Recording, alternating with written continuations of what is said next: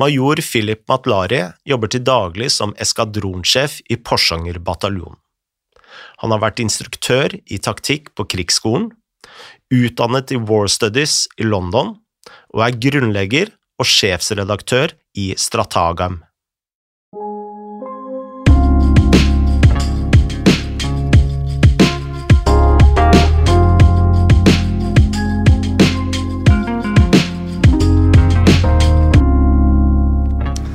Ja, Philip, velkommen. Takk for det.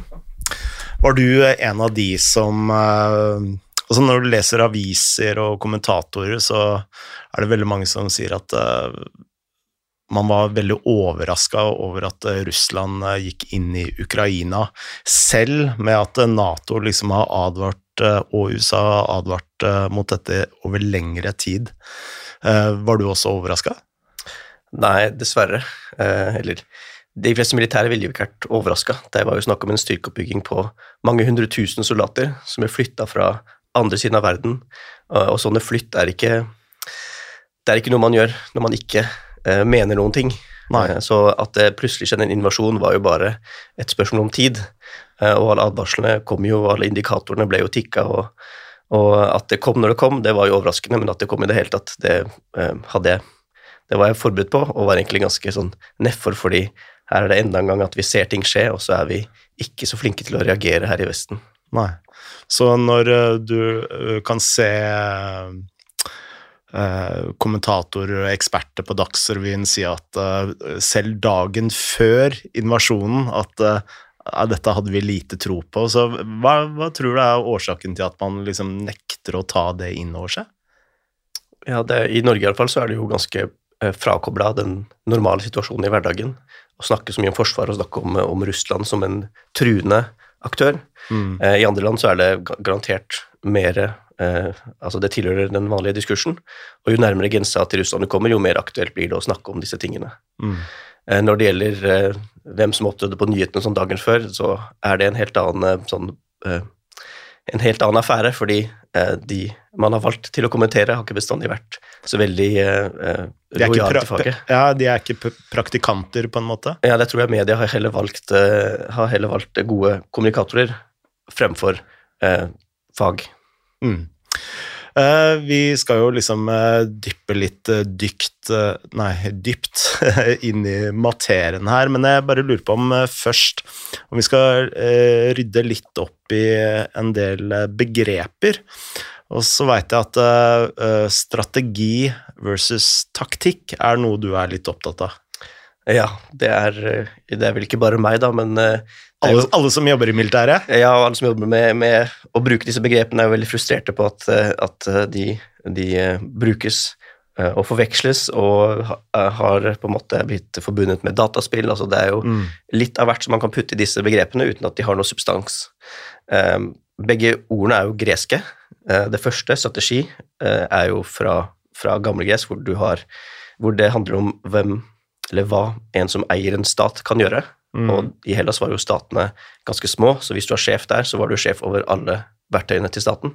Ikke bare militære, men økonomiske og osv. Og, eh, og taktikk er jo et begrep som er oppfunnet litt seinere, men det handler om noe annet noe enn strategi. Så de er to forskjellige ting.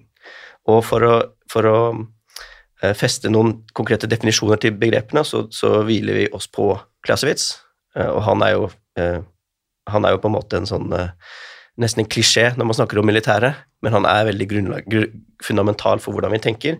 Og han sa at uh, taktikk det er hvordan du bruker militære styrker til å vinne trefningen eller slaget. Altså mm. hvordan du faktisk beveger de militære brikkene for å vinne et slag mot en fiende. Og så er strategi hvordan du bruker de forskjellige slagene til å vinne krigen. Mm. Så den, det er to forskjellige nivåer. Den ene så er strategi nærme. er på mange måter det overordna, mens uh, taktikkene går på litt sånn enkeltbyer, enkelthendelser. Korrekt. Og i Altså, for lenge siden så var det jo veldig små uh, stater og små militære styrker, så det var enkelt å holde oversikten over alt det her, og da var disse mm. to nivåene veldig sammenfallende. Men så er militæret blitt veldig mye større og mer komplisert, og verden er blitt også mye større, så de to nivåene har på en måte eh, skilt seg mye mer. Så nå finnes det også strategi for militære som kun omhandler den rekken av slag for å vinne krigen, og så finnes det strategi for politikken, hvordan du bruker eh, alle redskapene til en stat for Mm. å oppnå noen ting eh, i verden. Uh, la oss kanskje begynne med, med strategien, da. Mm. Eh, og veldig mange mener jo at uh, Russland har eh, undervurdert uh, reaksjonene fra uh, ikke bare USA denne gangen, men også Europa, med tanke på hvor store de økonomiske sanksjonene er. Men så har jo også den der militære strategien også på mange måter feila litt. Ja, det, det er jeg enig i. Jeg tror ikke bare russerne er overraska over reaksjonen til Vesten, men Vesten er selv overraska over hvor, hvor er det vi har havna nå på så kort tid.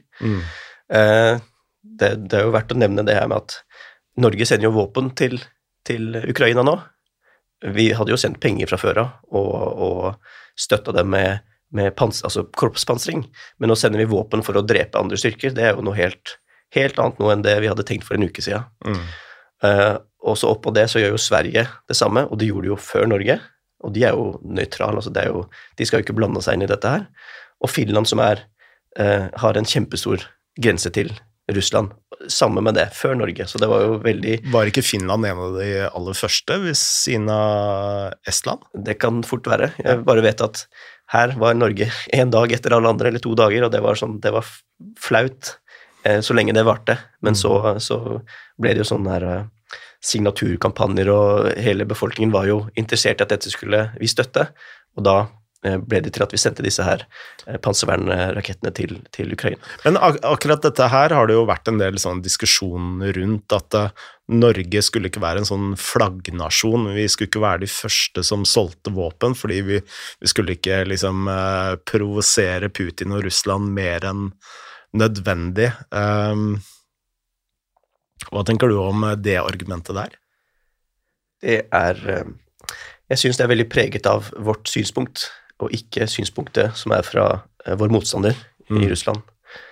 Eh, Hvis vi ser på, på russiske dokumenter som beskriver hva de oppfatter som krig, så, så inngår ikke bare det å bruke militære styrker som en definisjon for krig. Der inngår også diplomati, NGO-er, sanksjoner. Alt det der inngår i det de oppfatter som krig. Så fra russernes side så er det fort gjort for dem å argumentere med at før vi sendte våpen, så var vi faktisk i krig med dem. Mm. Da er det vanskelig med det begrepet, fordi det er jo masse juridisk sånn, betenthet med det. Men fra et sånt uh, russisk perspektiv, hvor staten bruker alle sine midler, så har vi begynt å bruke mange av statens midler før vi begynte å sende våpen. Ja, så det var egentlig bare en uh, liten uh, Altså en detalj som Og en linje vi allerede hadde gått over. Ja, jeg mener fra russisk perspektiv så var vi over den linja når vi, når vi eh, føyte oss til EUs sanksjoner. Mm, de økonomiske sanksjonene og Ja. ja.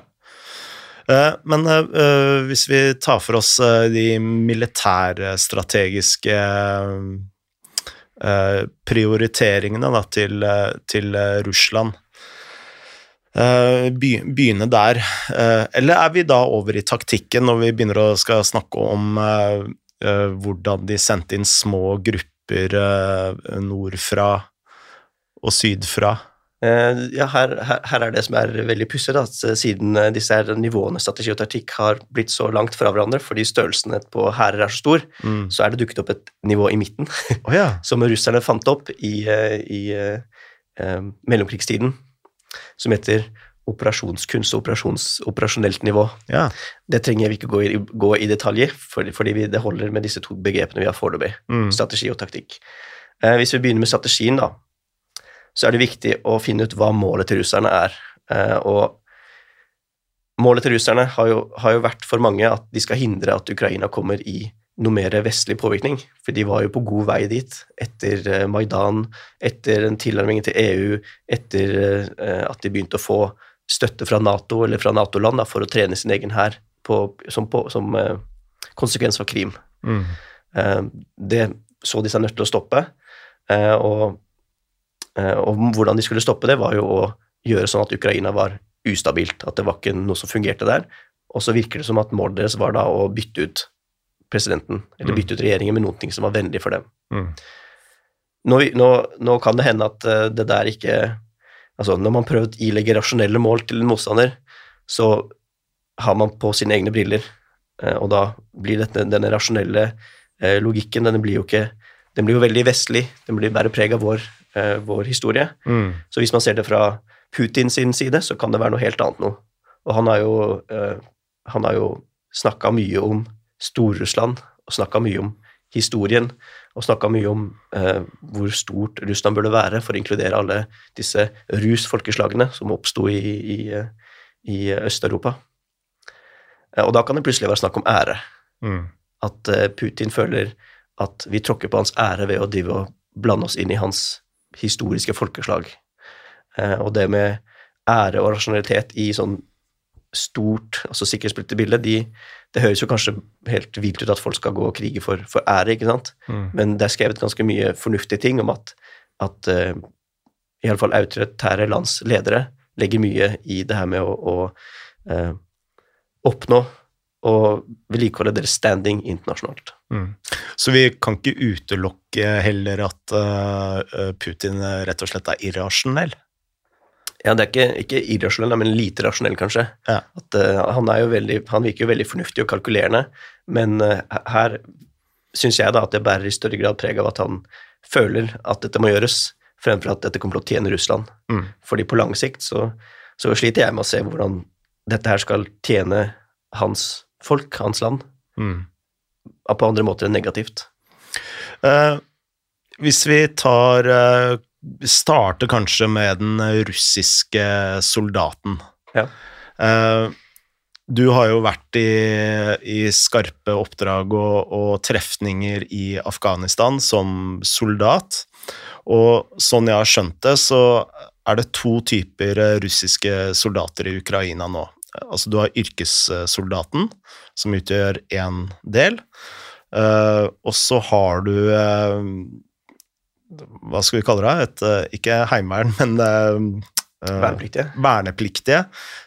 unge soldater som virker å være veldig lite motivert og, og kanskje ikke så godt trent.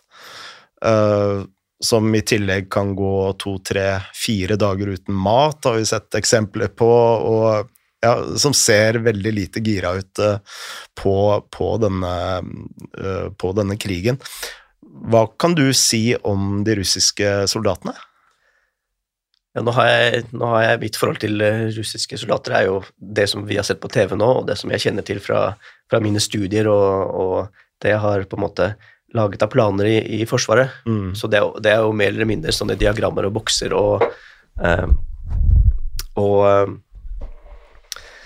eh, og ikke så mye personlige eh, forhold, men jeg kan iallfall sammenligne hvordan en vernepliktig i Norge og en vernepliktig i Russland har det. Mm.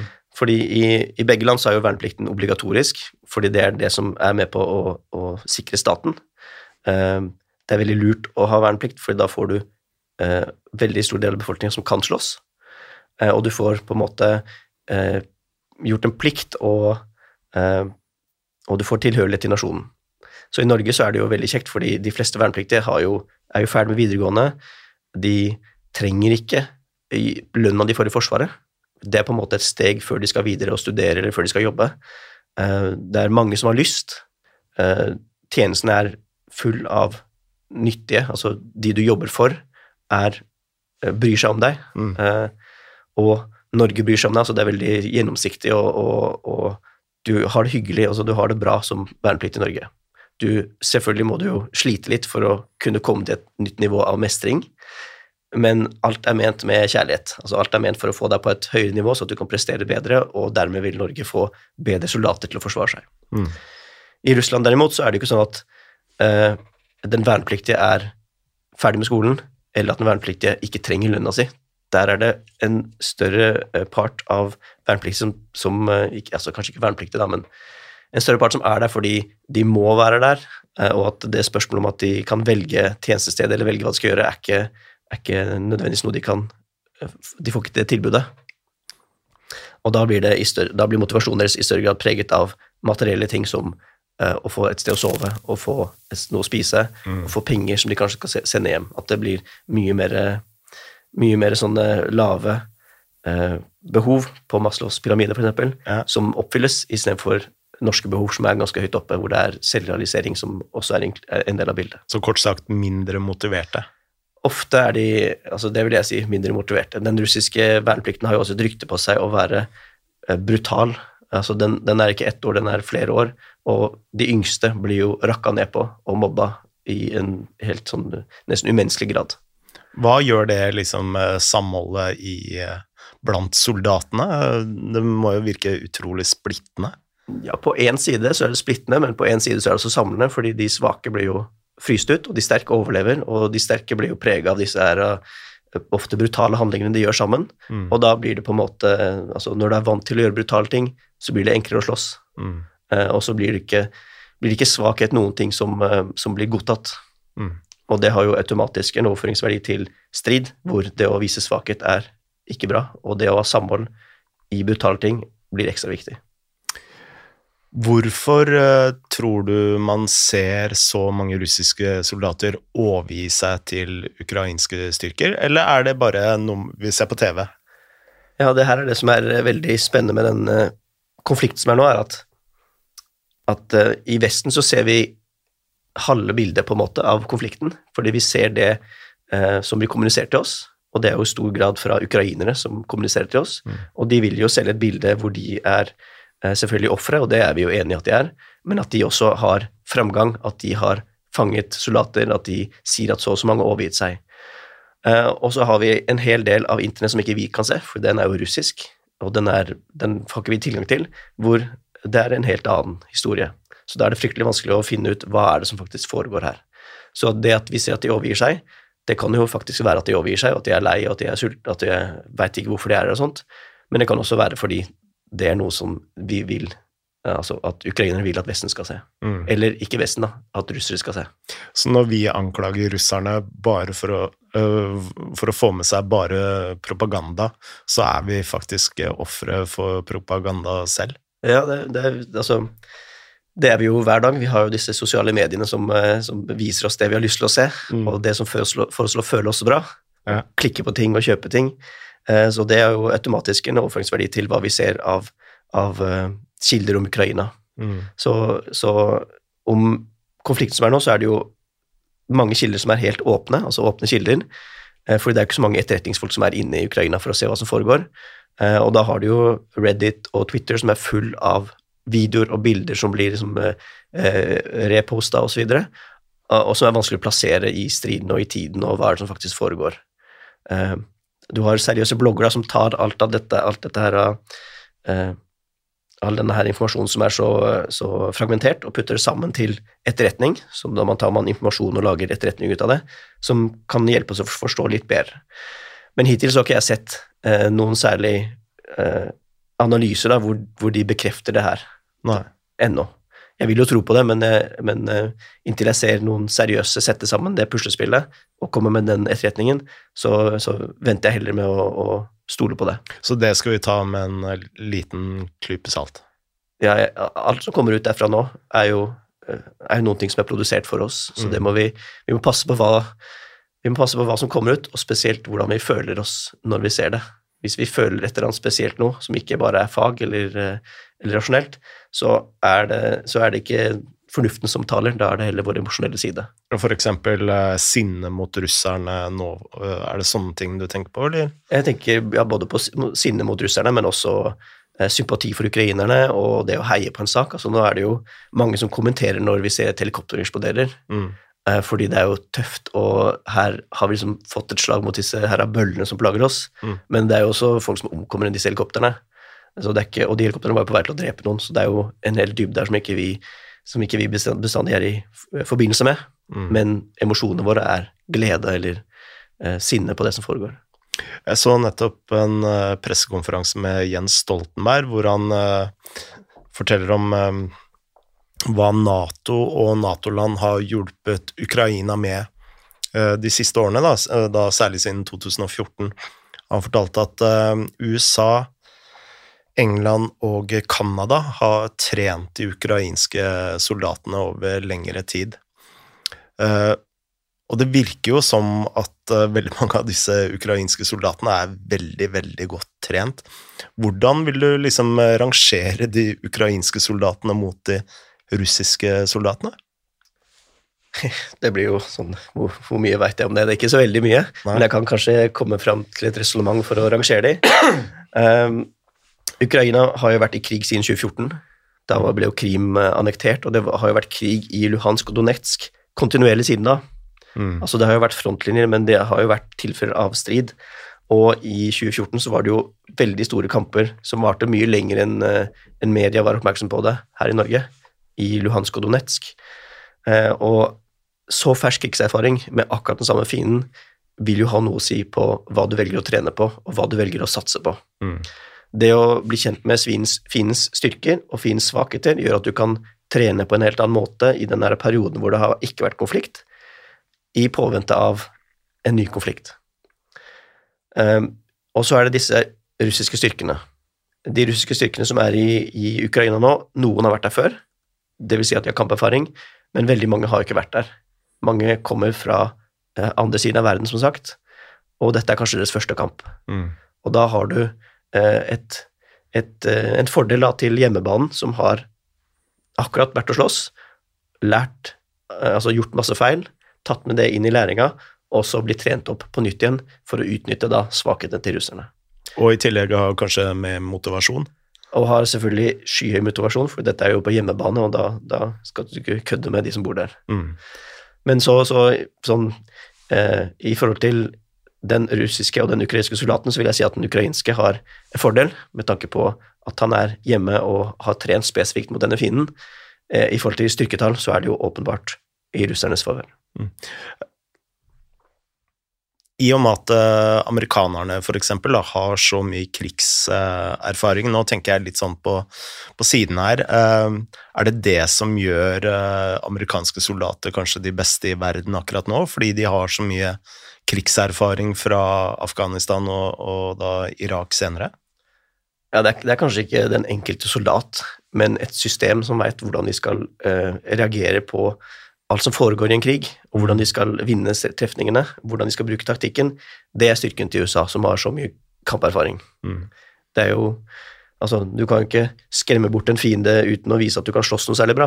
Mm. Så det at en, en, en hær eller et forsvar slåss iblant, vil jo være med på å bidra til at noen velger å sånn Ok, de der var kjempegode i den trefningen, så vi skal ikke kødde med dem akkurat nå. Men at USA har, eh, har kunnskapen og erfaringen til å drive med store trefninger og drive med slag på slag på rad for å vinne hele, hele krigen, det, eh, det har de. Mm. Det har også russerne, da, for de har jo drevet med det her i lokalområdet sitt i mange år nå, men, nivå, men ikke på et nivå i nærheten av det USA får til. Hva tror du er eh, russernes plan nå? Ut ifra det jeg har skjønt, så er jo deres, eh, deres mål er, eller um, Før eh, de invaderte hele Ukraina, så var jeg sikker på at nå tar de enda et kakestykke over Ukraina, og så sitter vi og ser på, fordi det er ikke noen ting som, som eh, vi kommer til å kjenne så mye, og vi ikke kommer til å bry oss om så veldig mye. Men så tok de jo og invaderte hele greia, Mm. og da For nå angriper de både nordfra og sydfra og østfra. Korrekt. Ja. Um, så det som har blitt målet deres, er jo at de skulle bytte ut denne regjeringen. fordi når de bytter ut toppen, så tenker de at da føyer sikkert resten av befolkningen til seg til dette her. Og så da kan vi tenke på f.eks. Europa i, eh, altså før napoleonskrigene. Da bytta jo disse landegrensene seg hele tida, hvis du var en bonde som bodde litt nærme Tyskland eller litt nærme Frankrike, så var du plutselig tysk og plutselig fransk, og livet gikk videre. Mm. Eh, Så jeg tenker at det var, det, det var kanskje det de tenkte, at nå bytter vi ut toppen, eller vi sletter militæret så at ikke de kan gjøre motstand, og så bytter vi ut toppen, og så føyer folk seg til det. Jeg tror det var hele målet deres. Og så var de kanskje arrogante og sjåvinistiske og skulle bare kjøre inn og gjøre det, Eh, men det var jo ikke sånn eh, som skjedde. Så for å gjøre dette her, så hadde de, så vidt jeg har sett, fire sånne operasjonslinjer, og det er faktisk linjer på kartet. Mm. Og så som du sa, så går det en linje fra Hviterussland inn mot Kiev, en linje fra, eh, fra Øst-Ukraina over Luhansk og Donetsk og videre inn mot eh, vest, og så en linje fra Krim eh, nordover. Mm. Og her er det det som blir litt vanskelig med en podkast, at vi skulle hatt et kart å se på, men jeg tror det hjelper med disse fire linjene. Da har vi nord, og så har vi øst, og så har vi, har vi, eller vi har to linjer i nord, da, og så har vi øst, og så har vi syd. Mm. La oss starte med den i nord. Og den i nord går jo rett mot Kiev, og det er jo den som har de største forsinkelsene eh, og, og, møter ganske mye motstand. Og det er den lange kolonnen som etter hvert har blitt eh, ganske kjent? Korrekt. Ja. Den som står der, og, og, vi blir mer og mer usikre på hva som foregår. Mm. Eh, så har du en til linje som går fra nord mot sør, som går til Kharkiv, som er den nest største byen i landet, Mm. og der er det samme hensikt, at de skulle overta denne her store byen for å, for å vise at nå eier vi halvparten av landet, iallfall. Og Kharkiv er jo en, en russisk-dominert by, og de er jo ikke enig i at vi skal være så mye russere enn vi er ukrainere, så, så der har russerne feilvurdert og, og driver da og eh, dreper russere i Ukraina, som var hele greia de skulle være med å beskytte. Mm. Og det er kanskje en av de byene som har vært uh, størst offer for artilleri? Eh, enn så lenge så er, det, så, så er det det, for de er jo de første som blir beleira nå. Mm. Eh, og det blir sikkert veldig mye mer uhyggelig eh, med det. Det kan vi prate om litt seinere for å snakke om hva fremtiden Eller hva jeg vurderer da i de neste tre- trekkene deres. Eh, vi har den operasjonslinja som går fra øst inn i Luhansk og Donetsk. Mm. Eh, og her er det viktig å tenke på at foran denne linja, altså foran Luhansk og Donetsk, så er det jo ukrainske styrker som er der for å stoppe dem. Eh, Så helt øst i Ukraina, inntil Luhansk og Donetsk, så er det jo en veldig stor del av den ukrainske hæren som står der og eh, er i forsvar mot eh, russerne som kommer inn. Mm. Eh, Og i syd, da, i Krim, så har de jo eh, de kryssa inn fra, fra sør mot nord, og har også noen ukrainere som driver og prøver å sinke dem der, men det er, det er veldig vanskelig. Mm. Men her virker det som at ukrainerne har eh, prioritert litt. Altså at- de har eh, mer styrker da rundt da særlig Kiev og lengre øst, mens eh, de har på mange måter nedprioritert syd lite grann. Har jeg forstått det riktig da? Mm, Ja, det eh, Jeg tror at ukrainerne har av Planen deres er at de skal ha denne linja mot russerne som kommer fra øst, så at de kan forsvare invasjonen fra Donetsk og Luhansk så lenge som mulig. Og så vil den gjengen der trekke gradvis da mot vest, mot Dnipr, og så komme seg over den, og deretter forsterke Kiev. Mm. Eh, Og russerne de har jo flere styrker, og det beste du kan gjøre i, i, i strid, er jo å få folk til å overgi seg uten at du må drepe alle sammen. Og de har jo tenkt da å omringe denne gjengen ukrainere som er med front mot Luhansk og Donetsk, fra nord og fra sør. Ah, ja. Så grunnen til at det kommer inn folk i nord og folk i sør, er at da kan de avskjære eh, den ukrainske hæren som er der, og dermed har ikke de noe annet å gjøre enn å enten slåss i siste mann eller overgi seg. Er det man kaller en knipetangmanøver? Ja, knipetang eller eh, omfattelse. Det er eh, en, eh, en sånn her Noe av det tøffeste du får til. Ja. Fordi når du er inne i den der bobla, hvis ikke du er bestemt på å slåss i sistemann, så, føler du, så føler du at viljen til å slåss forsvinner med en gang. Og det var vel noe av det sovjeterne gjorde med Hitler under andre verdenskrig? Ja, de, de gjorde det, de hadde jo så, to, så stort antall, da, men det var jo først og fremst eh, tyskerne som gjorde det med russerne Ja, i starten. Ja. Det, da hadde de noen sånne eh, taktikker som het kesselslacht, som betyr kasserolleslag. Ja. Det vil si at du fanger disse russerne inn i en kasserolle av eh, styrker som er rundt, og så må de overgi seg. Mm. Og da fikk jo disse her, eh, disse tyskerne hundretusentalls av russere til å overgi seg, og det er helt utrolig stort antall. Men det var jo fortsatt russere å ta fra, ja. så det hjalp ikke. Nei. Eh, Og den her kesselslacht, altså den teknikken, er jo noe de har vi har sett mange ganger i historien over ting som fungerer, og det, alle store sånne hærførere har jo brukt det for å vinne mot en stor fiende.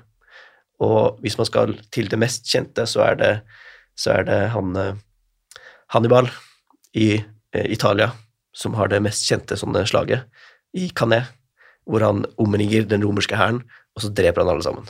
Mm. Og den har jo tyskerne studert også. ja. Det, var det liksom eh, enden på romertida på mange måter? Nei, ikke i det hele tatt. Det var også midt i der. Eh, Det var da de fant ut at eh, nå kan ikke vi slåss på, på hjemmebanen til han Hannibal, for den er så dyktig til å slåss, så vi må heller dra, dra til hjemlandet hans og plage han der. Hvor kom Hannibal Jeg har aldri hørt om Hannibal før, jeg. Ikke det? Nei. Hannibal som kom med elefanten over Alpene. Nei. Han er en, han er, altså Dette her er også sånn fascinerende bit av historien som er på en måte glemt, fordi den er så, den er så fjern, Ja. men den har veldig mye parallell til i dag. og den viser romer, romerne fra ikke som en sånn veldig stolt sivilisasjon, men også som noen sånn skikkelig brutale folk. Mm. Fordi i Middelhavet så var det en stor konkurranse mellom supermaktene, romerne og fønikerne. Og de, de oppholdt seg i Kartago, som er i nåtidens Tunis, Mm. Tunisia. Og de krangla om Sicilia, og det blåste opp til at nå krangler disse to supermaktene, og da marsjerte Hannibal, altså ha- hans far Hamilkar, med sønnen på slep, rundt hele Middelhavet og skulle ta Roma. Og han har jo vært, han sloss jo i Italia kjempelenge, og plagde romerne så lenge til at de sendte Scipio Africanus til eh, Kartago for å slette landet fra historien. Mm. Så det var sånn de, de overvant det. Dette her er jo på en måte inspirasjonen til den her uh, final solution. Mm. At det, hvis, ikke, hvis vi skal plages med dette her i all evig tid, så burde vi bare slette det nå. Mm. Og så romerne gjorde det. De slettet den fra historien, salta jorda, så det ikke ville være noen som plaget dem derfra lenger. Mm. Men tilbake til Ukraina. Ja, det, Podkaster er jo digresjonenes ja, Det er fordi dere søker på YouTube, ja, det er mange bra videoer. Uh, Ja, Jo, de skulle omringe disse ukrainerne, og det er det de holder på med å gjøre, for nå har de veldig stor framgang i, fra sør. Ja. Nå har de jo kommet seg over Krim, de har laget en landbro frem til, altså rundt Asovhavet. Så fra Russland til, til Krim så kan du gå to veier, da, enten over den nye brua eller langs uh, kysten i Ukraina. Og da kan de begynne å sende styrker opp for å avskjære disse ukrainerne. mm. Uh, I nord så er det litt treigere, fordi de møter jo motstand i Kharkiv, men nå ser det ut som de bare går forbi den byen, og så kan de sette opp eh, et, eh, en avskjæringsstyrke der også. Mm. Eh, Og da gjelder det å se hvor lenge disse her ukrainerne tør å være i Øst-Ukraina, fordi de må jo komme seg over en gigantisk elv, og så må de gjøre det i tide, så at ikke de blir omringa. Og i tillegg uh, uten å bli truffet fra lufta, tenker jeg. Ja, selvsagt. Mm. Eh, så når vi nå eh, har mye fokus på, på denne kolonnen fra nord Unnskyld. Så er det egentlig fra syd vi bør følge mer med på. Eh, Når Ukraina ikke har noe særlig mer konvensjonelle styrker, altså de har ikke noe militær lenger, så er jo staten forsvarsløs, og da er du over i, i den folkekrigen som vi, vi ser pågår nå. Mm. Eh, og den har jo veldig mye mindre sånn slagkraft i forhold til stående avdelinger, og kan gjøre mye mindre trussel mot russere, Mm. eh, selv om og, ja. Så da, det er også interessant å se på når er det Ukraina ikke har noe mer militære styrker, for da er jo staten forsvarsløs. Mm. Når tror du det vil skje, og tror du det vil skje? Ja, nå håper jeg at alle disse uh, våpna vi sender inn, Mm. greier å komme seg fra grensa helt i vest, det er jo et stort land, lenger øst, For jo lenger øst du får disse greiene, jo mer kan du utruste befolkningen som er der hvor fienden er. Mm. For når russerne kommer seg lenger inn i landet, så vil det være mange sårbare styrker bak frontlinja som folk skal ta ut. Mm. Eh, så, så, så lenge folk får tak i disse, disse her nye våpna og får sendt dem langt øst, så har jeg trua på at dette kan gå eh, mye treigere enn enn vi, enn vi kanskje kommer til å se, da. Hva er det de viktigste våpnene ukrainerne trenger nå? Er det disse eh, Hva heter disse Javelan... Javelin, Javelin, ja. ja, det betyr spyd. Det, ok. Ja. Um, det de trenger, er våpen som de kan lære opp noen å bruke kjapt. Mm. Det må være våpen hvor bruksanvisningen står på røret, og så er det sånn, ja, det er sånn det funker, og så kan du bruke det. Mm. Det er de norske våpna. De er sånn, da står det bruksanvisning på sida, og så så du jo på NRK at, at du kunne få opplæring på det på to-tre minutter. Det er det som trengs, for da kan enhver som bor på landet, eller enhver som, som later som han ikke er stridende, ha det i, i, huset sitt og bruke når han ser et mål som er, som er eh, saftig. Så disse Javelin uh, Heter det raketter eller bazookaer eller Ja, nå er vi på litt sånn semantikk igjen, da. Hvis du har noe som kan styres, så er det missil. Ja. Hvis du har noe som ikke styres, så er det en rakett. Ja. Så de, som, de norske våpna, M72, det er raketter fordi de går bare rett fram. Ja. Mens den britiske NLA og den amerikanske Javelin, de styrer seg selv. Ja. Så det er sånn at når du, når du uh, finner målet i målsøkeren, den, finner, den leter etter varme, altså infrarøde signaturer. Mm. Når den finner det som passer det du leter etter å skyte på, så kan du sende målet inn til missilet, og så skyter den det, og så kan du bare dra vekk. Mm. Da finner den den skal treffe selv. Så det er en mer treff, et mer treffsikkert eh, våpen, Ja, men mer avansert. ja mye mer treffsikkert. Den har eh, to ladninger inni seg som gjør at den kan komme gjennom eh, bedre pansring, men den er vanvittig mye dyrere, og så er det en terskel da i opplæring. Mm. Så en sånn norsk M72 koster noen titusenlapper. En sånn amerikansk Javelin koster jo flere hundre tusen. Mm. Så det er jo stor sånn divergens i kostnader. Eh, det har vært uh, veldig mye snakk om uh, cyberangrep, både fra ukrainerne og fra russerne. Altså, hvilken rolle spiller det inn i denne konfl konflikten her? Eller krigen, ikke konflikt. Ja, det er, nå er det krig, ja. Ja, nå er det krig. Eh, man har jo lenge trodd at disse kommer til å spille en stor rolle, eh, og i 2014 så gjorde de det, fordi da ble man jo helt lamma i hvordan man skulle reagere, fordi man visste ikke hva som foregikk. Eh, I dag, altså ikke i dag da, men for, noen, for en uke siden, når det ble krig i Ukraina, så var mange føre var og hadde på en måte sett at dette skulle komme, og gjort grep for å hindre at de skulle være så effektive. Mm. Eh, russerne, med en gang, eh, med en gang eh, altså like før de skulle angripe, så sendte de jo ut eh, et nytt sånn her eh, Hva skal man kalle det? Virus, da, men de skulle wipe ting. De skulle slette datamaskiner til ukrainere. Mm. Og da lagde de De har jo en stor sånn her cyber her i, i Russland.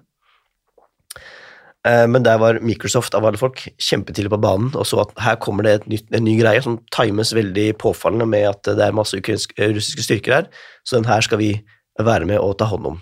Så en, en ikke-statlig eh, næringslivsaktør velger da å være politisk og si at her skal vi være med å stoppe den greia her, og vi bruker vår, vår oppmerksomhet på denne her. Mm. Og den, det het Foxblade, det her av viruset, eller hva det heter, som de, de stoppa da. Ja. Det skjedde jo ikke i 2014, for da, bare, da gikk jo ting til helvete. Ja. Men her var de føre var, og da var det noen som sagt, en uavhengig part som var med, nei, jeg skal være med å beskytte disse, disse her uh, ukrainerne. Ehm, så har det jo vært sikkert eh, samme på en måte eh, verktøyet i motsatt retning. Eh, og det er jo ting som vi ikke veit for om noen år, da, når det kommer sånn tell all-bok om, om disse angrepene. Mm. Men nå er det jo så mye kaos og så mye uoversiktlighet på, på cyber da, inn og ut av Russland at jeg er sikker på at det er en hel drøss med, med vestlige og kanskje israelske som driver og henter ut det de trenger av informasjon, eller planter det de trenger av verktøy for å kunne bruke det i fremtiden. Mm. Tror du det kan ha spilt inn eh, med tanke på at uh, luftvåpenet til russerne ikke har vært så effektive som mange trodde at de skulle være? Mm, Nei, det gjør det ikke. Eh, vi snakka jo tidligere som sagt om at de ønsker å eh, bytte regjering Mm. og, og på en måte slette militæret, for da kan ikke regjeringen gjøre noen ting. Eh, og det er jo veldig uheldig da å få seg så mange fiender i det landet når du bare har lyst til å bytte regjering. Mm. Så jeg tror de, de igjen da, de gikk inn litt sånn der av Hva heter det? Sjåvinistisk. At de skulle bare gå inn og overta. eh, Og undervurderte hvor mye motstand eh, Ukraina kommer til å gjøre. Så jeg tror at det, det at de ikke har brukt eh, Altså de, at de blir angrepet fra lufta og sånt, har mer med at de velger å ikke bruke det, enn at de, enn at de er angrepet av noe cyber. Her er det også viktig å påpeke at eh, det er mye slurv i den antiluftgreiene til Russland. Eh, Og jeg aner ikke hva, hva som skjer, da, men det er enheter som åpenbart eh, skal være beskytta av luftvern, som ikke er det, som blir truffet av disse her dronene fra Tyrkia. Mm. Og så er det enheter som åpenbart ikke skal være på frontlinja, eh, som plutselig ender opp å, bli taua bort av en traktor. Mm. Eh, masse enheter som hører til bakre linjer og ikke frontlinja. Så her er det mye slurv som er veldig vanskelig å forstå hva som foregår. Det at man går tom for bensin og sånne ting, er det også under uh, Ja, slurvkategorien, eller? Ja, det er i stor grad. Det her er uh, Altså, vi snakka om USA som er gode til å planlegge det her. Mm. De får jo dytta inn det de trenger av forsyninger, og de, har- de veit hvordan du unngår disse her problemene. Fordi de har gjort det, sikkert gjort feilen før. Mm. Så her er, det, her er det mye slurv og dårlig planlegging, og jeg vet ikke hva det er, om de har forfremma feil folk, men det kan fort være at, eh, at eh, kompetansen i det russiske forsvaret ikke er på topp, som man skulle trodd, fordi man har eh, lojalitet til en autoritær figur, Mm. som er viktigere enn kompetanse. Det har jo også gått rykter om at det faktisk var veldig få som visste at man skulle invadere Ukraina. Ja, det vil jeg tro. Ja. Det, her er jo, det her er jo garantert upopulært hjemme. Mm. Eh, altså Donetsk og Luhansk, det kan de sikkert komme unna med, men hele Ukraina, det tror jeg ikke noen er særlig imponert over hjemme. Mm. Men opinionen hjemme i Russland har jo ikke så mye å si for hva de velger å gjøre. Um, når det gjelder hvordan de overtalte folk til å angripe, det er jo ganske spesielt. Um, det var jo deployert opptil 200 000 altså, soldater rundt hele Ukraina rett før det starta, og det er mange folk å holde, i, altså, å holde eh, hele målet skjult for. Mm. Men det er det de har gjort. da. De har jo sagt at de skal på øvelse, og det, har de gjort, det, det gjør de. Det har de gjort mange ganger. De har jo hatt en øvelse tidligere år som het uh, Zapad. De har en, øvelse, en stor øvelse hvert år hvor de flytter på folk, uh, og den foregikk i Hviterussland, hvor, hvor Hviterussland var mål, og Polen var mål, og Norge var med som et mål også. Og så, så det å dra på øvelser er ikke fremmed. Mm. Men så varte jo den øvelsen mye lenger enn alle hadde planlagt, og det var sånn, da får vi bare finne oss i det. Da får vi kanskje litt mer penger, da, men da er vi bare her, da. Mm. Uh, Du kan ikke gjøre så mye, for du er jo, du er jo langt hjemmefra. Det er ikke sånn at du kommer deg hjem uten at folk kommer til å uh, fange deg. Og så blir du jo isolert, da, og så begynner du å bli mata et, en historie Mm. som du begynner å tro på fordi du hører den så mange ganger. Og den historien er jo at i Ukraina så er det nazister. Mm. De vil drepe russere i Luhansk og Donetsk. Regjeringen er nazister. Altså det er helt sånn der, For oss er det jo sånn Er det kødd? Men for en isolert eh, avdeling som er på øvelse, som er langt hjemmefra, så kan det etter hvert bli noen ting som de godtar. Apropos eh, kødd, eh, det er jo norske kommentatorer og nettaviser som mener de kan dokumentere at den ukrainske regjeringen er nazifisert. Hva tenker du om det? Ja, nei, det, det vil jeg gjerne distansere meg fra, for det, det høres veldig fjernt ut. Og det, det er en avdeling i, Russ, i ukrainske forsvaret som er, som er hø- høyreekstremist. Ja, det er den Azov Azov-bataljonen, ja. mm. Men altså, når du skal slåss mot Russland, så tar du alt det du kan få. Mm. Eh, og da bruker du jo selvfølgelig det med at de er der til å farge hele Ukraina, men det er jo ikke det. De er jo i et veldig lite mindretall. Mm. Eh, bare komme litt Men vi, vi ja. prata om de her, hvordan ikke vite hva som foregår. Mm. Eh, Jeg vil også trekke frem at som sagt, vi har et internett i Vesten som vi ser, og mener det er åpent og her er alt sant, men det finnes jo et internett i, i Russland òg som har en annen sannhet. Og hvis du er eh, soldat i Russland og scroller på VK, altså Facebooken deres, eller faktisk Facebook, så er alt på en måte throttled. Altså det har vært gjennom, det er forsinka. Det er sånn som når du kjøper en iPhone og så blir den gammel, så bare går den saktere. Mm. Sosiale medier er saktere i Russland fordi de sensureres underveis, eller de kommer inn, sniker inn historier for å avkrefte eh, sannhet. Mm. Og det er jo det du ser, det er det du blir eksponert for. Så hvis du er russisk soldat og scroller på, på Facebook da, i forkant av dette der, så blir jo denne her historien om at det er nazister og det er død og det er lidelse i, i Ukraina, en sannhet som du etter hvert kjøper. Så selv amerikanske sosiale medier blir på en måte tukla med i Russland? Ja, åpenbart. Ja. Og det har jo disse her Altså, du har jo en balanse mellom å ville tjene penger i Russland og være eh, liberal, ikke sant? Mm. Eh, og der har vi denne balansen mellom at Facebook og Google og Apple er i Russland, men har inngått kompromisser for å kunne være der. Så eh, det foregår egentlig to kriger nå, altså en propagandakrig, som eh, åpenbart var mye større enn det jeg trodde den var, og så en væpna krig. Ja, og den propagandakrigen den er jo på en måte kontinuerlig hele tida. Mm. Det er jo disse her ideologiene som, vi, som krasjer nå, mellom det autoritære og det vestlige. Mm. Men eh, la oss, så rett før denne invasjonen så er det jo sånn hvordan skal vi fortsette å være i blinde? Hvordan skal disse soldatene fortsatt være eh, på øvelse? Og da er alt det har jeg lest og hørt, er at i dagene før invasjonen så måtte du levere inn telefonen din, og så fikk du masse ammunisjon ut, og så fikk du plutselig et nytt mål som var å dra i Ukraina. Mm. Og da er det jo veldig plutselig og veldig sånn Nå skjer dette her, og så er det jo, er det jo ingen som har lyst til å si nei, det vil jeg ikke. Alle sammen er jo i samme båt og har vært det lenge nå, og kanskje mange har trodd på disse historiene om at nå må vi faktisk gå og redde dem. Tror du det fins en mulighet for at eh, russiske soldater plutselig bare legger ned våpnene sine? Ja, det, det, er jo lov å, å, å, håpe på det. Vi har jo sett, du har sikkert sett sånne videoer av fanger som får snakke med moren sin, mm. eller fanger som får lov å se på, på, YouTube eller på Instagram, som ikke er russiske nettet. Uh, og de får jo sånn her kognitiv dissonans som at uh, uh, verden min er jo ikke den ekte verden. Mm. Men det er jo først etter de har blitt fanga, da. Mm. Nei, men Grunnen til at jeg spør, det er, det er jo Altså, det er veldig mange ukrainere som også har russisk familie, eh, og jeg eh, så et intervju med en eh, kvinne som fortalte om sin russiske onkel, som ikke trodde på at Russland hadde invadert Ukraina. Og da tenker jeg at hvis man på en måte Altså det, det store narrativet blir endra på en måte, da, så fins det kanskje en mulighet for at man eh, velger å gå mot Putin istedenfor å invadere Ukraina, eller er det utelukkende naivitet? Jeg heller mot at det er naivitet. At eh, det er Hvis du er russer, så har du en historie mm. om at hvis du er en, en bonde eller noe sånt, så er du på bånn. Eh, og det var jo slaver i Russland helt frem til revolusjonen, langt inn i 19, altså 1916. Der var det slaver i Russland. De hadde jo de her tvangsarbeiderne. Du kunne ikke flytte på deg altså, der du var oppvokst, var der du skulle dø, mm. og alle familien skulle være der, og din jobb var å være slaven til denne her eh, lokale herskeren. Ja. Sånn var det inntil altså, til eh, første verdenskrig. Mm.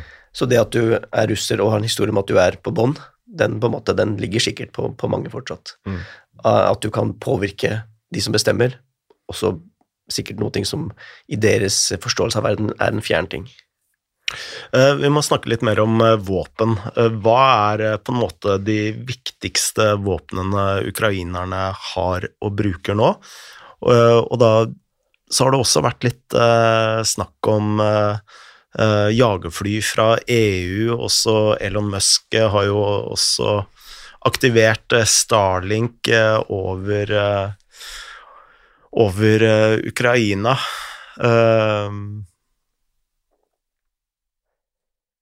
Ja. Disse her um, Hva heter det Panservernvåpnene, de våpnene som kan eh, ødelegge russiske kjøretøy, det er jo det viktigste vi kan gi til ukrainerne, og det viktigste de kan bruke, fordi som sagt, der kan du få veldig mange våpen, eh, veldig lav opptrening, mm. og du kan spre det ut på mange folk som mm. kan gjemme det. Uh, når man slåss mot Russland, så er det jo en slitasjekrig. altså Ressursene er jo så vanvittig store på russisk side at uansett hvor mange ekstra jagerfly eller ekstra stridsvogner du har, så er det så vanvittig lite i forhold til styrketallet til Russland. Mm. Så de våpna der, det vil jo på en måte Da slåss du på hjemmebane til Russland. Og en ting i, i god taktikk er at du bestandig slåss på, uh, på din egen hjemmebane. Altså Du velger ikke å oppsøke en stridsvogn eller et jagerfly med din egen stridsvogn, for mm. da er det for like odds. Du må velge slag hvor oddsene er vanvittig mye mer i din fordel. Vil det være samme taktikk som tsjetsjenerne brukte der, at du venta russere inn i, i, byene, og så angrep du da russerne på innsiden av byene, eller? Ja, det er jo akkurat det som alle håper skal, skal skje. Mm. Hvis russerne går inn, at det blir en sånn her, sånn her forferdelig eh, byslag hvor alle vinduene er potensielt farlige. Alle menneskene, den gamle dama, er potensielt farlige. Mm. Hvor det blir helt umulig å skille på, uh, på hva som er trygt og ikke trygt. Uh, men for russernes del, som de også lærte i den andre tsjetsjenske krigen, er at det gjør ikke noe, fordi vi bare ødelegger alt, og så går vi inn. Mm. Så det er jo en, dessverre en, en stor sånn, uh, bakside av den mynten der med at de kan slåss i byen, er at russerne har ikke noe De har ikke noe sånn silkehansker, akkurat. Nei. Hvis det er snakk om at eh, noen er i en by som plager dem, så er det ikke langt før de bare jevner en byen. Mm. Og det gjorde de jo sist i Syria. Absolutt. Uh, hva tror du er Ukrainas uh, strategi her? Så lenge de kan ha en lang krig og overleve, og presidenten fortsatt er den populære og motiverende personen, så får de støtte fra verden. Mm. Så, så, så, lenge de holder ut, jo bedre blir oddsene. Mm. Så utover noen strategi på det der, så vet jeg ikke. Det, det, det, når det er sånn eksistensielle kriger, når det er de små mot de store, så vinner de små ved å holde ut lenge og få støtte utenfra. Mm. Vi må bare eh, snakke litt om den lange kolonnen eh, som kommer nordfra.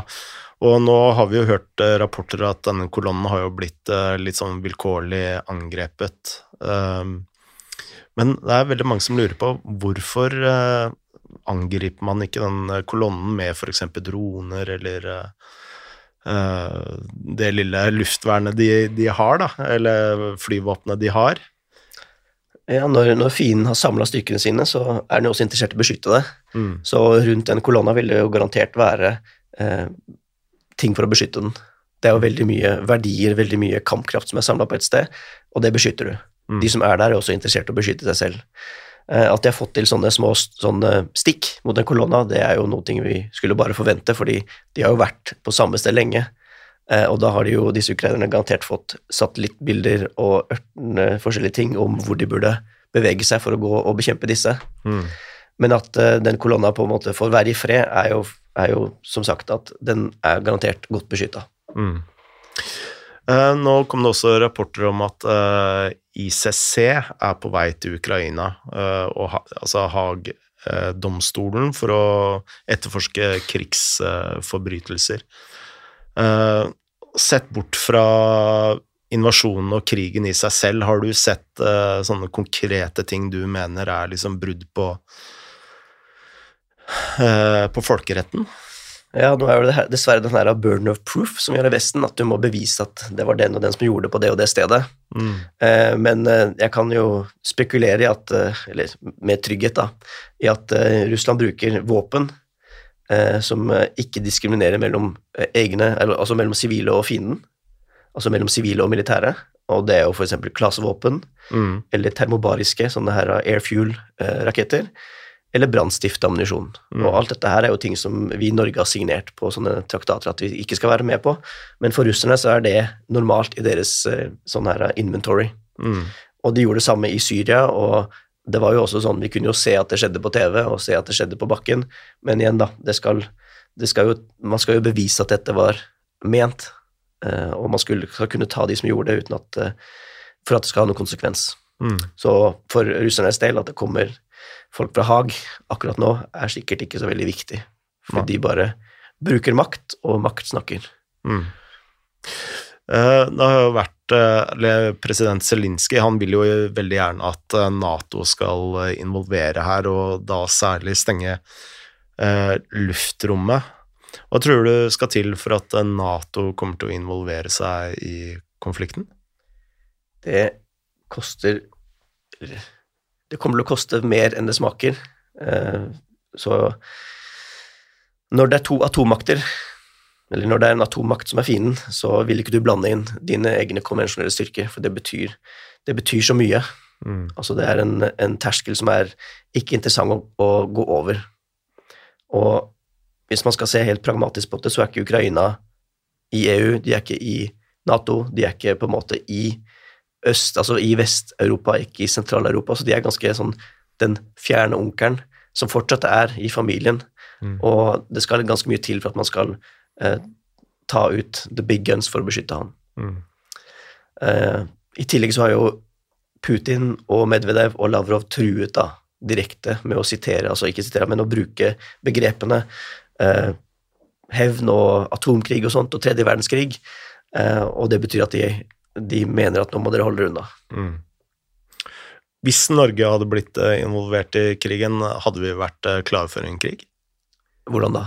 Nei, altså hvis eh, russerne invaderer Finnmark eksempel, er vi klare, klare for det? Ja, nå har det jo vært veldig høy beredskap i Forsvaret, Ja. og egentlig i hele Nato, i en uke nå. Og vi har jo deployert styrker ut til Baltikum, og flyene er jo på mye høyere beredskap enn de vanligvis er. Mm. Og det seiles jo mer skip i Østersjøen og i Middelhavet og i Barentshavet. Mm. Og om to uker så skal det være øvelse i Norge, så det er jo, det er jo veldig stort fotavtrykk med militære styrker i Norge. Så Ja. hvis det skulle skje noe nå, så er ikke det en lur greie for Putin å gjøre. Eh, før vi runder av, så eh, hver krig så liksom lærer man noe nytt, og det er alltid noen sånne nyvinninger, eh, om det er strategisk eller taktisk eller uh, våpen eller, eller, eller lignende. Uh, er det noe med denne krigen her som du uh, tenker at det, dette her har vi ikke sett før? Det, ja, det, ja, det viktigste som jeg har sett nå, er at etterretning den er blitt så åpen at det å dele etterretning sånn som amerikanerne gjorde og britene gjorde i forkant, det er ganske uhørt. Det har vi ikke gjort før, for da, måte, da setter du eh, alle dine kilder i fare. Altså, hvordan skal de vite dette her? Da begynner de å lete etter muldvarp og sånt, eller lete etter et hull i, i, i det digitale forsvaret deres. Mm. Eh, de brenner jo mange broer ved å gjøre sånne ting, eh, men det at de deler det såpass åpent, og garantert deler det kontinuerlig med ukrainerne, det er noe helt nytt nå. Men det var ingen som trodde dem heller? Ja, det var jo dessverre fordi sist de, de gjorde sånne ting, så, så var det jo løgn. Ja. Eh, så det var, jo, det var jo kjedelig, det, da. Eh, Men jeg tenkte jo at eh, når Jens Stoltenberg gikk god for eh, Og dette sier kanskje mye om min naivitet, da, men eh, når Jens Stoltenberg eh, på mange måter gikk god for den etterretningen, da, så tenkte jeg nå er det søren meg sant. Ja, det, man skulle jo tro det, men, men eh, hva var det norske media gjorde? De sådde tvil om det og skulle ha den andre siden, og det var ikke noe særlig balansert, det der. Altså, man skal jo være balansert som journalistikk, da, men når balansen er såpass i favør eh, av nasjonal etterretning, så, så er det jo veldig uheldig å drive og så tvil om det. Ja. Hvis man skal ha opinion til et land og i kontinuiteten av regjeringen til å reagere, så er det jo klønete da, å, å så tvil om såpass viktige ting. Mm. Så her, her må de påse igjen da, graden av kommunikator versus faget og hvor mye eh, det veier før man skal begynne å, å gjøre sånne ting. Det er jo det samme med klimadebatten i USA.